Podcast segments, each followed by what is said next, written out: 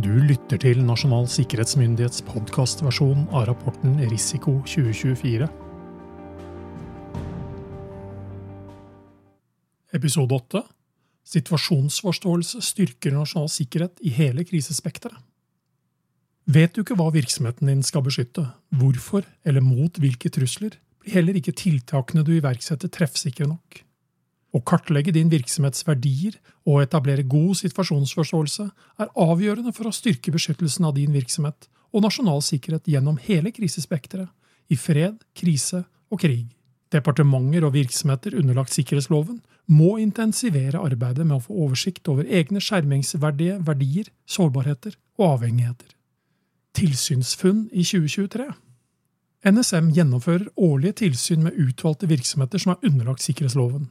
Hensikten er å styrke det forebyggende sikkerhetsarbeidet og kontrollere at kravene i sikkerhetsloven er oppfylt.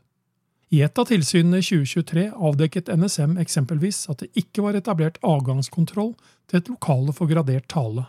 Som konsekvens kunne personell uten autorisasjon fritt bevege seg på egen hånd i lokalet.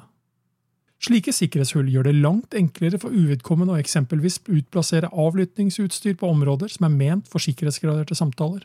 Et effektivt tiltak for å redusere risiko for innsidere er å etablere både fysiske og digitale autorisasjonsskiller.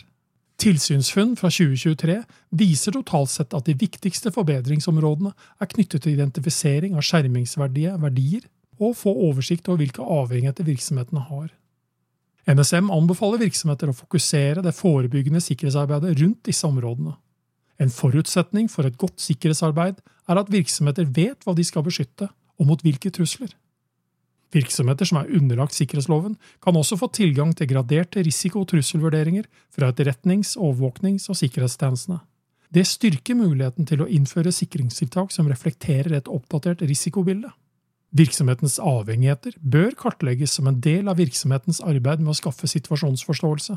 Dette kan være informasjons- og kommunikasjonssystemer, transportselskaper eller andre underleverandører som kan utgjøre en sårbarhet. Du har lyttet til Nasjonal sikkerhetsmyndighets podkastversjon av rapporten Risiko 2024, og mitt navn er Roar Thon.